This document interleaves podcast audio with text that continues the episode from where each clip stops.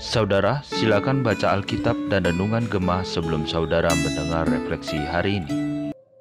Shalom saudara, jumpa kembali di dalam Refleksi Gemah tanggal 6 Agustus 2023. Sebelum kita merenungkan firman Tuhan, mari kita bersama-sama bersatu di dalam doa.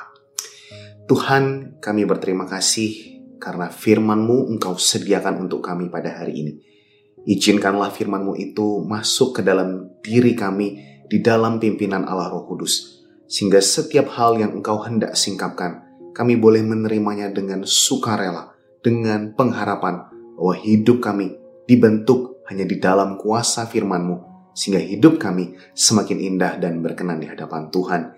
Terima kasih Bapa di dalam nama Tuhan Yesus Kristus kami berdoa. Amin. Saudara, refleksi gemah hari ini mengajak kita untuk merenungkan firman Tuhan dengan topik kehidupan orang fasik yang terambil dari Ayub pasalnya yang ke-15. Dan saudara tentu saja dapat membacanya secara lengkap, tetapi di kesempatan kali ini saya hanya akan membacakan ayat yang pertama sampai yang keempat, dan kemudian dilanjutkan ayat yang ke-17 sampai yang ke-20. Demikian firman Tuhan. Maka Elifas orang Teman menjawab, Apakah orang yang mempunyai hikmat menjawab dengan pengetahuan kosong dan mengisi pikirannya dengan angin?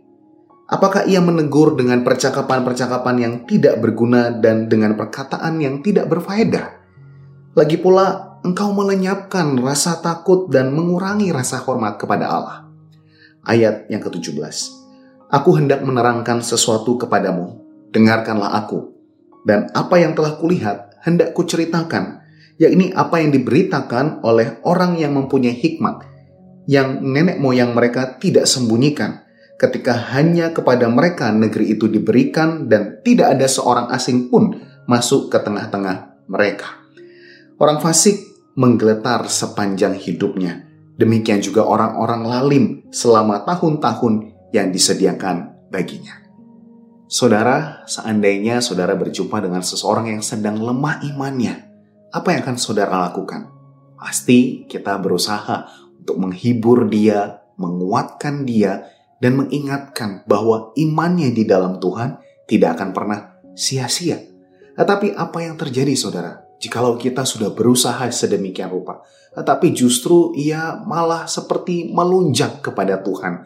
Ia memberontak dan marah kepada Tuhan. Wah, mungkin ya kita bisa kesal juga lama-lama ya. Tetapi saudara itulah yang terjadi kepada Elifas terhadap Ayub. Jika pada pasal 4 Elifas pernah berkata di siklus pertama bersama dengan sahabat-sahabat lainnya, mereka berbalas-balasan dengan Ayub dan mengingatkan bahwa kesalehan hidupmu itu tidaklah sia-sia. Bukankah itu yang justru menjadi pengharapanmu? Takut akan Allah justru yang menjadi sandaranmu. Tetapi kalimat itu memang ditujukan untuk meneguhkan kembali akan iman Ayub. Tetapi oleh karena Ayub masih belum bisa menerima keadaan yang dialaminya itu, maka pada siklus yang kedua ini, sebaliknya Elifas menceritakan kehidupan dari orang-orang fasik yang tidak takut dan bahkan tidak hormat kepada Allah. Dan sebetulnya alasan ia menceritakan sebetulnya sedikit menuduh akan apa yang dialami oleh Ayub dan seperti apakah Ayub itu. Dan hidup orang fasik sebagaimana dituliskan oleh penulis Gema, di sana dikatakan orang yang tidak punya kedamaian, hidup dalam kegelapan dan akan binasa. Dan mereka harus mengembara untuk bisa mencari makan, berlindung kepada sesuatu yang tidak bisa melindunginya, dan banyak lagi lain sebagainya. Kenapa mereka mengalami hal tersebut? Karena ternyata mereka adalah orang yang memberontak dan melawan kepada Allah. Saudara, hal ini memang sepantasnya menjadi refleksi yang diberikan oleh Elifas kepada Ayub, tetapi juga mungkin perlu menjadi refleksi bagi kita pribadi saudara. Kita perlu sadar diri agar jangan sampai kita akhirnya nggak sadar bahwa kita itu sedang melawan akan Tuhan. Dan bahkan mungkin juga kita nggak sadar kalau kita kurang rasa hormat kepada Tuhan. Dari mana sih kita mengetahuinya saudara? Contohnya saja, masihkah kita menghormati Tuhan dengan perintahnya? Masihkah kita melakukan perintahnya? Kita bisa saja sekadar melakukannya tampak um, perintah Tuhan kita lakukan sedemikian rupa, tetapi apakah kita melakukannya dengan rasa hormat kepada Tuhan? Masihkah kita membaca firman Tuhan dengan rasa hormat? Masihkah kita memuji Tuhan dengan rasa hormat? Masihkah kita hidup berkeluarga, bekerja dengan rasa hormat kepada Tuhan? Bukankah Dia yang bertahta di atas segala hal yang Ia percayakan kepada kita dan apa yang Tuhan titipkan kepada kita? Perenungan dari Elifas ini adalah baik sekali untuk kita bisa memeriksa diri. Tapi di sisi lain, kita juga perlu berhati-hati agar jangan menjadi pribadi yang kemudian menghakimi sesama kita.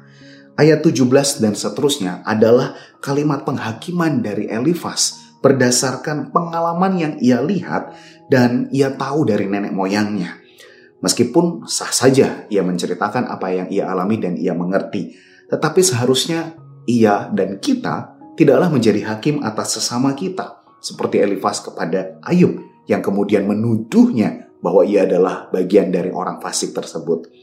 Saudara kita terkadang bisa menjadi pribadi yang suka menghakimi, apalagi kalau udah berbicara tentang pengalaman ya. Kita kalau kata anak zaman sekarang, wah si paling pengalaman gitu ya, serba tahu dan akhirnya menganggap orang lain itu tidak mengerti dan tidak mengetahui. Kita harus berhati-hati. Memang baik untuk menceritakan pengalaman dan mengajarkan hikmat, tetapi di dalam prinsipnya janganlah hal tersebut menjadi sesuatu yang menghakimi akan sesama kita, apalagi mungkin anak-anak kita atau mungkin orang-orang yang lebih muda dari kita. Marilah kita memiliki tugas yang mulia, yaitu tugas terhadap orang-orang yang sedang bergumul. Kita menuntun mereka kembali, datang dan bergantung hanya kepada Tuhan. Dan dengan sikap yang jujur mengizinkan mereka untuk bergumul bersama dengan Tuhan dan tanpa kitalah yang kemudian harus menjadi Tuhannya atau mengambil peran daripada Tuhan tersebut. Kiranya melalui perenungan ini kita dapat menjadi semakin berhikmat. Kita di dalam setiap perjumpaan dengan orang-orang yang bergumul, kita mampu memikirkan kata-kata yang tepat untuk menghibur mereka.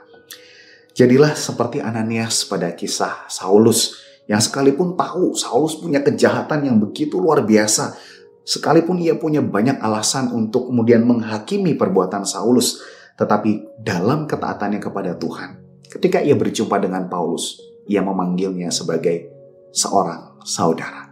Jadilah juga seperti Tuhan Yesus yang sekalipun benar-benar tahu kejahatan kita, yang memiliki jutaan alasan atas Anda dan saya terhadap kejahatan kita, tetapi ia memilih untuk datang, bukan untuk menghakimi, tetapi ia menunjukkan belas kasihan dan juga pengampunan. Bahkan dengan kesabarannya, ia menuntun kita terus bertumbuh sampai kedewasaan penuh di dalam keserupaan dengan Tuhan, di dalam pikiran, di dalam perasaan, dan di dalam perbuatannya.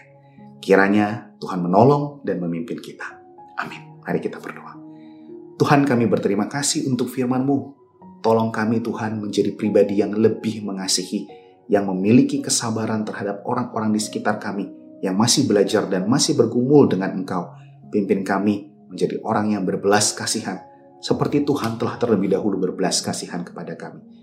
Terima kasih Tuhan, kami menyerahkan perenungan firman kami ini di dalam pertolongan Allah Roh Kudus, sehingga kami tidak hanya berhenti membaca, tetapi kami merenungkannya dan melakukannya dalam hidup kami.